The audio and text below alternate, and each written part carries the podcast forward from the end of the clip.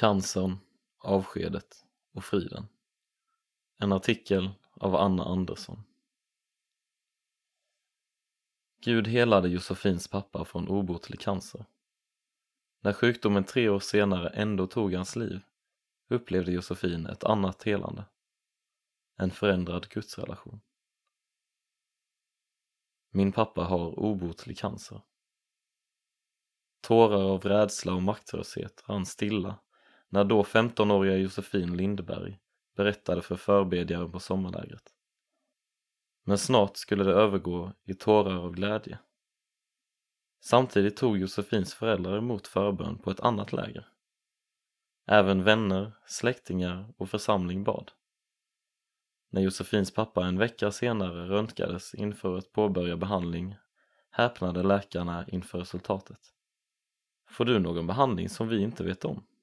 Frågade minst nu 25-åriga Josefin. Den del av cancern som satt värst till i hjärnan var helt borta och övriga hjärntumörer hade alla krympt. Läkarna hade ingen förklaring till detta. Efter ett halvårs relativt mild behandling var samtliga hjärntumörer och tumörer som suttit i andra delar av kroppen borta. Helandet betydde mycket för både familjen och alla som bett. Jag tänkte, wow, Gud är verkligen på riktigt. Chockerande vändning. När Josefin tre år senare började sin sista gymnasietermin var tankarna på något helt annat än den kommande studenten. Cancern var tillbaka och nu gick det så fort att vården inte kunde göra något. Vändningen gjorde Josefin både chockad och förvirrad. En tuff period följde där pappan mådde allt sämre samtidigt som Josefins gudsrelation skakades i grunden. Hon tvivlade på om Gud verkligen är god, som först helade och sen tillät cancern komma tillbaka. Till slut nådde hon ett vägskäl. Antingen fick jag lita på Gud även om jag inte förstod vad han gjorde, eller överge honom som jag trott på hela mitt liv.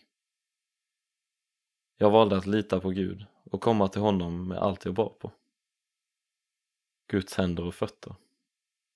Tvivlet försvann inte över en natt.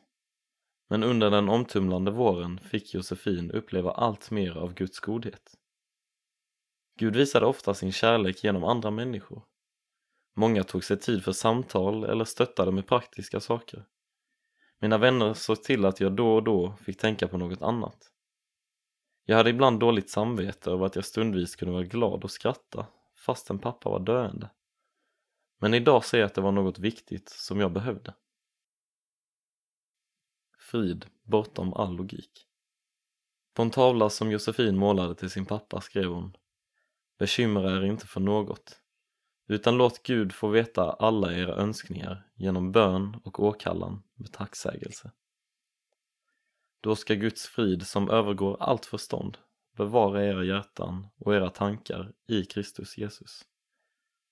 Filipperbrevet kapitel 4, vers 6-7 Familjen upplevde att löftet gick i uppfyllelse. Pappa var förvånansvärt lugn och sa ofta något bättre väntar mig. Den närmsta tiden efter hans bortgång frågade vi i familjen ofta oss hur vi kunde må så bra trots att det värsta hade hänt. På begravningen förundrades också andra över att det fanns en sådan frid och glädje mitt i smärtan och sorgen. Inre helande I efterhand ser Josefin att den tuffa tiden blev en positiv kris för tron. Tidigare ville jag prestera, både inför människor och Gud. Men pappas cancer kunde jag inte göra något åt. Jag kände mig så maktlös och insåg mitt totala beroende av Gud. När jag gav upp alla egna försök och tillät honom möta mig sådan jag var, med alla mina behov, så gjorde han också det. Min relation bygger från den stunden mer och mer på Gud och inte på mina prestationer. Gud leder genom sorgen. Idag känner hon sorgen när något i vardagen påminner om pappa. För Josefin kommer sorgen i perioder där Gud leder henne genom varje ny process av inre helande. Josefin har fått berätta för Gud om tillfällen när hon upplevt att han var långt borta. och han har svarat var han var just då. Alltid mycket närmare än hon trodde.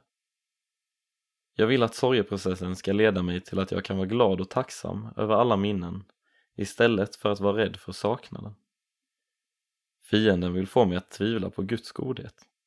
Jag vill istället låta Gud visa mig steg för steg att han verkligen är god, så att minsta lilla tvivel tynar bort, avslutar Josefin.